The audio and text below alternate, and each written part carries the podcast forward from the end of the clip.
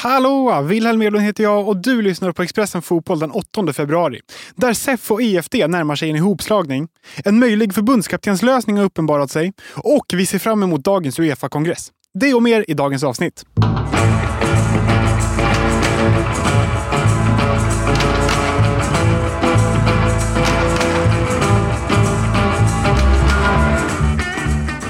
Nigeria och Sydafrika hade spelat i 89 minuter av sin semifinal ledde Nigeria. Men i matchens absoluta slutskede fick Sydafrika en straff. Kort ansats.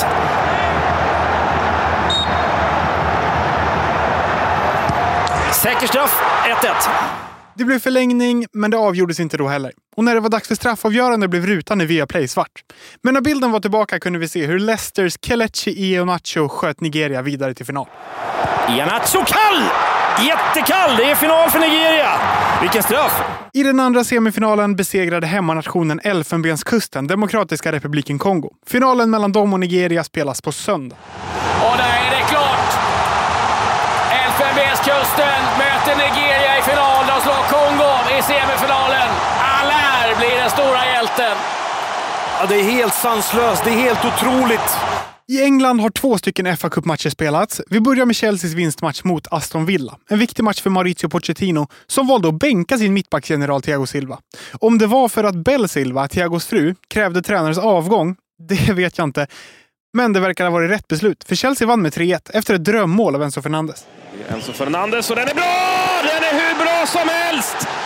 Det går inte att slå en bättre frispark än vad Enzo Fernandes gör i det här läget. Det är 3-0 för Chelsea! Anthony Elanga fick starta matchen för sitt Nottingham Forest, men gjorde inte någon glad. I den 64 minuten blev han utbytt och matchen slutade 2-1 till hans gäng efter straffar.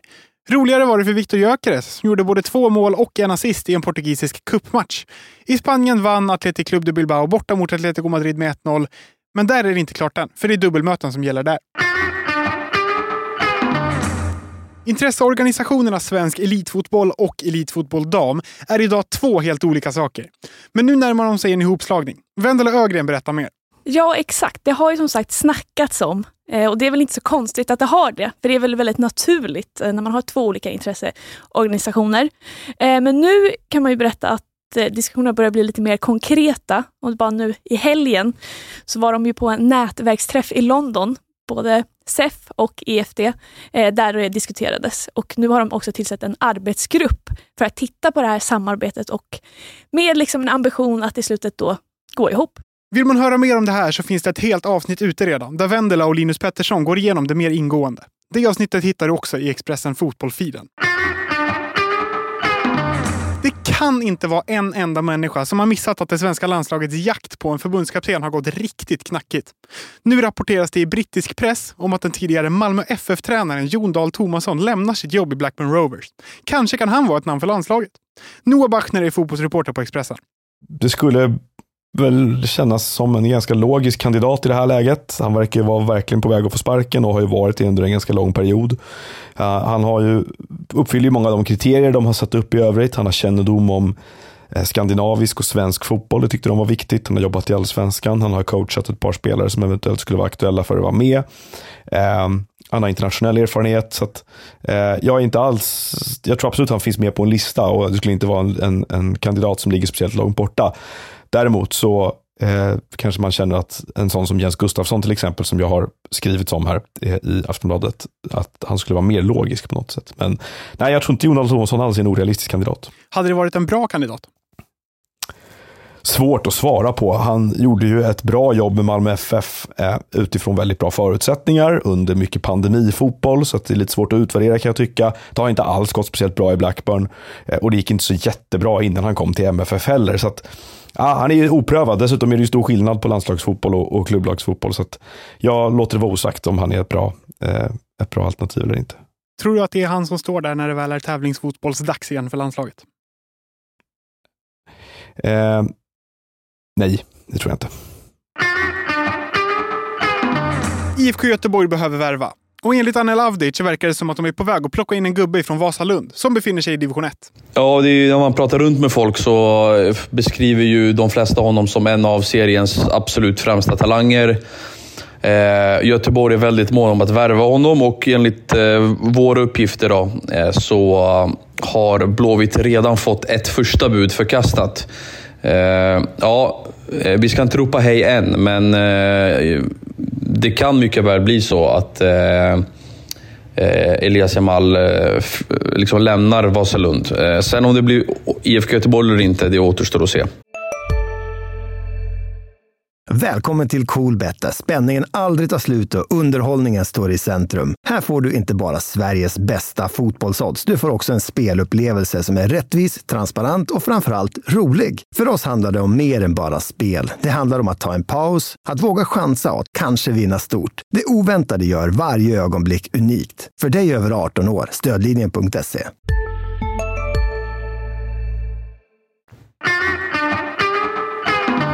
Idag är det dags för ett Uefa-toppmöte i Paris och Nations League ska lottas. Men det mesta av allt fokus finns just nu på Alexander Seferin, ordförande Uefa. På plats i Paris för att bevaka det hela är Noah Bachner. Ja, det som kommer hända är att eh, Uefas president Alexander Seferin kommer att eh, få sin vilja igenom. Det är den korta beskrivningen av det hela.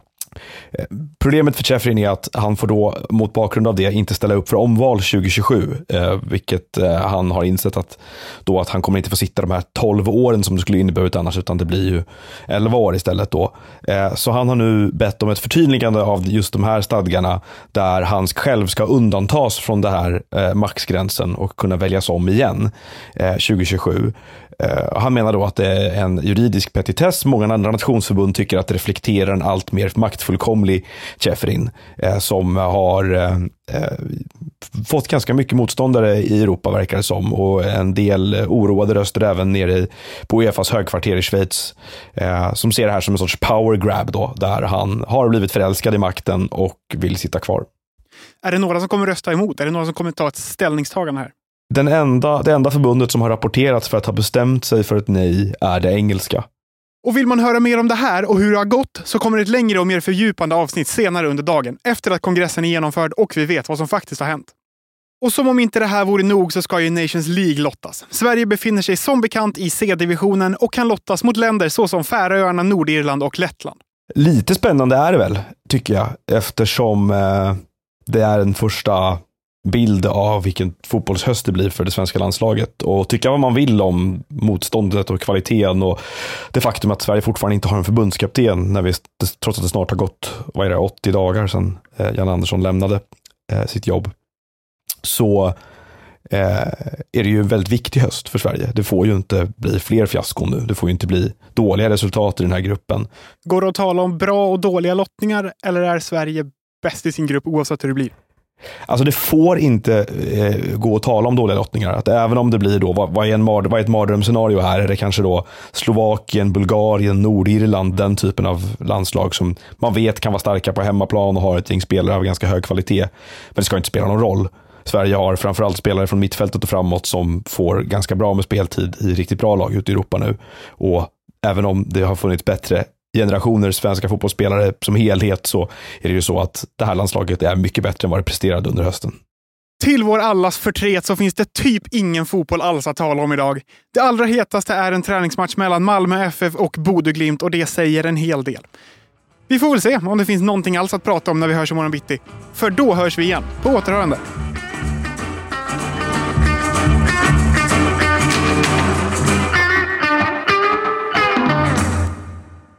Du har lyssnat på en podd från Expressen. Ansvarig utgivare är Klas Granström. Hej, Synoptik här. Hos oss får du hjälp med att ta hand om din ögonhälsa. Med vår synundersökning kan vi upptäcka både synförändringar och tecken på vanliga ögonsjukdomar. Boka tid på synoptik.se. Hej, Ulf Kristersson här. På många sätt är det en mörk tid vi lever i. Men nu tar vi ett stort steg för att göra Sverige till en tryggare och säkrare plats. Sverige är nu medlem i Nato. En för alla, alla för en.